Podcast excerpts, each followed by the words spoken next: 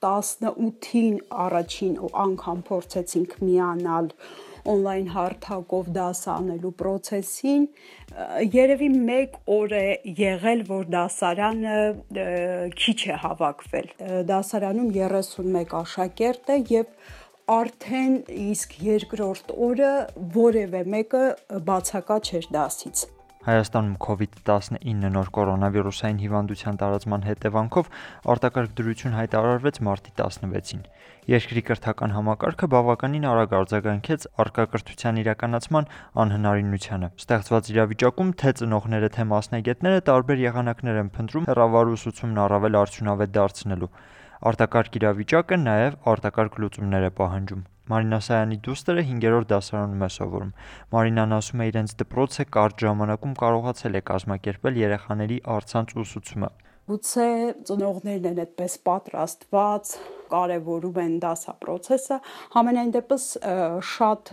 արագ դասապրոցեսը կազմակերպվեց on-line տիրույթում, իսկ արդեն վաղվանից նախատեսված է, որ բոլոր դասերը բոլոր առարկաները արդեն պիտի on-line տիրույթում դասավանդվեն։ Ներկա պայմաններում հեռավար ուսուցման անհրաժեշտությունը Մարինայի դուստրը Յանան հասկանում է, բայց հասցրել է կարոտել արկա ուսուցումը։ Դուր են գալիս նրանով, որ խուսափում ենք կորոնավիրուսից ու տանն ենք մնում, իսկ դուր չի գալիս նրանով, որովհետև ես Դպրոցում իմ ընկերների հետ եմ շփվում, խաղում, իմ ուսուցիչներին եմ տեսնում, իսկ on-line դասերում ես չեմ կարող իմ ընկերների հետ շփվել, կարոտում եմ իրանց։ Ուսուցիչներին տեսնում եմ, բայց ուզեի իրական տեսնել, գրկեի իրանց։ Իրար գրկելն առայժմ չի խրախուսվում։ Յանան եւ իր մյուս բոլոր հասակակիցները ստիպված կլինեն որոշ ժամանակ սպասել մինչև դասերը վերադառնան նախկին ձևաչափին։ Մինչ այդ ծնողները եւ ուսուցիչները տարբերակներ են փնտրում ապահովելու բնականon կրթական գործընթացը։ Էնցիկլոմեդիայի այս էպիզոդը եւս ձայնագրում ենք արտակարգ պայմաններում։ Խոսելու ենք հերավար ուսուցման գրագետ եւ անվտանգ կազմակերպման մասին։ Ձեզ հետ Արեն Մելիքյանն է։ Էնցիկլոմեդիա՝ մեդիագրագիտության հանրագիտարան երեխաների եւ ծնողների համար։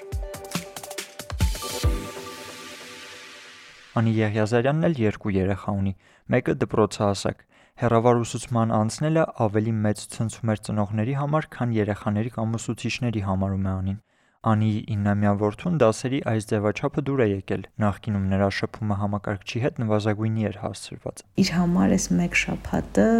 իսկապես ոգևորիչ էր, հետաքրքիր էր, ու ինքը ամեն անգամ իսկ սա ինչ է անում, իսկ սա, իսկ հետո սրանից բացի էլ ինչ կարող եմ այստեղ անել, իսկ սրանով էլ ինչ, էլ ինչ է պետք իմանալ այստեղ, իսկ դու հիմա ինչ ես անում, ինչ հնարավոր հարցասես տալիս ես շաբաթվա ընթացքում Տղան սովորում է Անանյա Շիրակացի ճեմարանում։ Այստեղ փորձել են հեռավար ուսուցմանը հարմարեցնել բոլոր առարկաները, այդ թվում ֆիզիկական պատրաստվածությունը։ Առիթը բաց չթողնելով որոշ դասերից օգտվում են ոչ միայն երեխաները։ Պետք է Zoom միանալ, միացնում ենք Zoom պետք է Skype միանալ, միացնում ենք Skype, YouTube-ի այսինչ ալիքն է, սա ենք միացնում։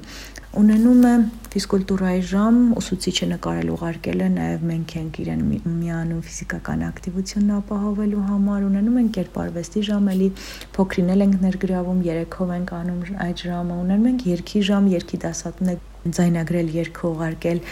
բարերը պիտի անգիր սովորենք եւ երգը երգենք դուրս գնալու ժամ ենք ունենում երեկոյան ժամերին գոնե կես ժամ մաքուրոտ շնչելու ժամանցը փորձում են ապահովել նաեւ on-line ներկայացումների եւ հեռուստատեսությամբ ցուցադրվող բաց դասերի միջոցով մեկ այլ դպրոցում հեռավար ուսուցման իրականացման ներկա ձևաչափի հետ անհամաձայնություն ունի Լիլիթ Նազարյանը Լիլիթը կրթության մասնագետ է, երկու երեխա ունի։ Մեկը 9 տարեկան է, մյուսը 5։ Այս պահին հեռավար ուսուցման ամենամեծ խնդիրը համարում է տրվող հանձնարարությունների ծավալը։ Նախորդ շաբաթ մենք օր ենք ունեցել, որ երեխան առավոտից մինչև երեկոյան 11:30 դաս է արել։ Դա ճիշտ չի։ Երեխաները պետք է խաղալու ժամանակ ունենան։ Վերջ-վերջո երեխաները հանգստի իրավունք ունեն։ Եվ չպետք է երեխաների կյանքը վերածվի անverջ դասապրոցեսի։ Ծանրաբեռնվածության աստիճանը, որ պարտադրվում է հիմա, ստեղծված իրավիճակում կարծում է անիրատեսական է։ Ասենք X ուսուցչուհին X առարկայի 6-7 հանձնարարությունից բաղկացած գրառում է կատարում Facebook-յան խմբում, որի համար տրվում է 1 կամ 2 օր ժամանակ։ Դա միայն մեկ առարկան։ Եվ նման կերպ մյուս բոլոր առարկաներն էլ ամեն մեկը բավականին ծավալով առաջադրանքներ են տալիս։ Շատ ծնողների պես Լիլիթն էլ է տնից շարունակում իր աշխատանքը։ Զուգահեռաբար այլ ընտրանքային միջոցներ է փնտրում երեխայի ուսումնառության խնդիրը լուծելու տանը բավականին շատ գրականություն ունենք թե մաթեմատիկայից, թե մայրենիից։ Այդ գրականության միջոցով հանձնարարություններ եմ տալիս, բացի դրանից օգտագործում եմ նաև արցանց հարթակները եւ այստեղ պետք է ասեմ, որ շատ-շատ օգտակար էր նախարարության ստեղծած այդ հերավար հարթակը, հերավար կրթության հարթակը, որտեղ կենտրոնացված բոլոր ռեսուրսները դրված են։ Մասնավորապես մենք օգտագործում ենք Քան ակադեմիայի ռեսուրսը մաթեմատիկայի համար եւ նաեւ իմ դպրոցի ռեսուրսը։ Նշվածներից բացի կրթության մասնագետին խնդրել եմ ավելի մանրամասն պատմել մի քանի հարթակի մասին, որոնք կարելի է օգտագործել տան պայմաններում երեխաների կրթության գրագետ կազմակերպման համար։ Նախ ասեմ, որ իմ դպրոցը ուրեմն ռեսուրսը, երբ երեխային գրանցում ես, գրանցում ես նաև երեխայի դպրոցը եւ դասարանը։ Ու համապատասխանաբար ինքը ունի ռեսուրսներ բոլոր տարիքի երեխաների համար։ Մյուս ռեսուրսը, որը մենք այս պահի դրությամբ դեռևս չենք օգտագործել, բայց ինքը հասանելի է մաթեմատիկայի համար, կոչվում է mathnet, m a t h n e t.am որտեղ արդեն միջին դպրոցի տարիքի երեխաների համար թեմաներ կան ու ելի շատ լավ է բացատրված։ Բացի դրանից հերավար կետ armedu.am կայքն է, որը կրթության նախարարության կողմից ստեղծված հարթակն է հերավարության համար Այստեղ հավաքագրված են բոլոր, կարելի ասել, հնարավոր արկա ռեսուրսները այս բայդրությամբ։ Այստեղ կա e-resource հարթակը, e-resource.armedu.am հետա հասցեն, որտեղ ֆիզիկա, երկրաչափություն, քիմիա եւ կենսաբանություն առարկաներն են։ Էլի լաբորատոր աշխատանքներ, գործնական աշխատանքներ միջին դպրոցի համար է նախատեսված։ Օգտակար դասընթացներ խորհուրդ է տալիս որոնել եւ գտնել նաեւ սոցիալական ցանցերում, պատասխանատու եւ փորձառու որոշ ուսուցիչների անձնական էջերում։ Վերջին այդ մեկ շաբաթվա ընթացքում առնվազն են ծնողներ, ովքեր Facebook-ում ունեն իրենց հաշիվները եւ ակտիվ են, կարելի էր տեսնել շատ-շատ-շատ բարեխիղճ ուսուցիչների կողմից ձայնագրված դասեր կամ հրապարակված նյութեր դասերի վերաբերյալ, որոնք ներառում են եւ բացատրությունը եւ առաջանդրանքներ։ Դրանցից շատերը նաեւ YouTube-յան ալիքներում են Թեև ժամանակն անցումային է, սակայն անհրաժեշտ է համապատասխան կարգավորումներ մշակել, կարծում է Լիլիթը։ Ծնողների ուշադրությունը հրավիրում է առցանց անվտանգության պահպանման անհրաժեշտության վրա ևս։ Օրինակ, անթույլատրելի է համարում դպրոցի կողմից on-line դասերի ընթացքից լուսանկարների, սքրինշոթերի հանրային հրապարակումը։ Այստեղ իհարկե շատ ավելի մեծանում է ծնողների պատասխանատվության աստիճանը հետևելու համար, թե ինչպես են երեխաները օգտվում այդ ռեսուրսներից։ Բայց նաև ուսուցիչների պատասխանատվությունն էլ պետք է մեծ լինի։ Շատ ուսուցիչներ, ես ելի իրենց էլ եմ հասկանում, տարբեր դրթապաճառներից ելնելով ցույց տալու, որ իրենք դաս են անում, որտեվ նորություններ իրենք էլ ուզում էին բոլորի բոլորի հետ կիսվել, բայց ամբողջ Հայաստանի երեխաների ու իրենց բնակարանների նկարները հիմա համա համացանցում են հայտնվել։ Այս իմաստով սա լրջագույն անձնական տվյալների պաշտպանության առումով խնդիր է, Սոցիոլոգ, իրավական կրթության եւ վերականգնողական ծրագրերի իրականացման կենտրոն ՊՕԱԿ-ի փոխտնօրեն Գայանե Հովակիմյանը բացի այս այլ խնդիր է մատնացույց անում այստեղ։ Եթե անգամ կարիք կա դասապրոցեսի իրականացման վերաբերյալ ապացույցներ պահելու, պետք է նվազագույնի հասցնել երեխաների անձնական տվյալների ներառումը։ Տան միջավայր, ծնողներ, տատիկ-պապիկներ, չգիտեմ, բնականային վիճակ, այս ամենը կարծես թե ներառվում է ցանցի մեջ եւ որոշ ծնողներ գուցե հանգիստ կամ կոմֆորտ չեն զգում, որ իրենց անձնական բնական, օրինակ, բնականային վիճակը կարող է երևալ ուսուցիչներին կամ այլ երեխաներին։ Դրա համար ընդհանրապես ցանկալի է, որ երեխաները նախ եւ առաջ դասապրոցեսը կազմակերպեն այնպիսի վայրում, որտեղ շատ գույք կամ այլ պարագաներ չի երևում կամ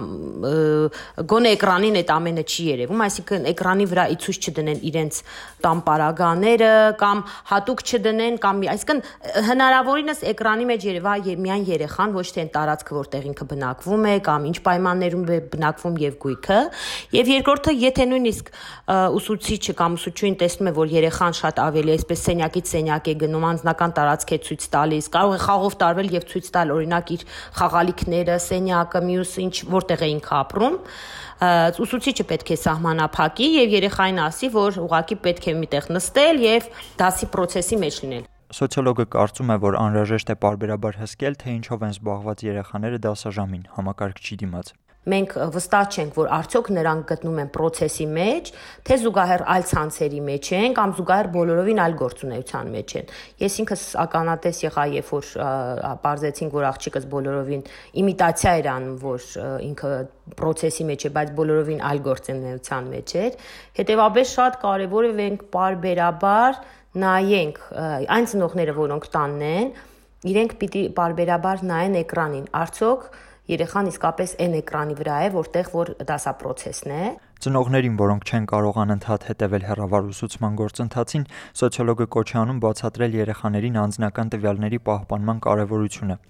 Նրա պատասխանատվությամբ հրապարակված երեխաների եւ ծնողների համար անձնական տվյալների պաշտպանության ձեռնարկը, ինչպես նաեւ էպիզոդում հիշատակված բոլոր օգտակար աղբյուրների հղումները կարող եք գտնել էպիզոդի նկարագրության մեջ Media.am կայքում։ Media.am-ից բացի մենք նաեւ ձեր ոդքասթ հավելվածներում ենք եւ հանրային ռադիոյի Արևիկ մանկապատանեկանի եթերում։ Այս էպիզոդում այսքանն էր։ Այն ձեզ համար ձայնագրեց Արեն Մելիքյանը։ Էնցիկլոմեդիա ոդքասթերի շարքը պատրաստում է Մեդիա նախաձեռնությունների կենտրոնն ԱՄՆ միջազգային զարգացման գործակալության աջակցությամբ իրականացվող Մեդիան քաղաքացիների տեղեկացված մասնակցության համար ծրագրի շրջանակում։ Առայժմ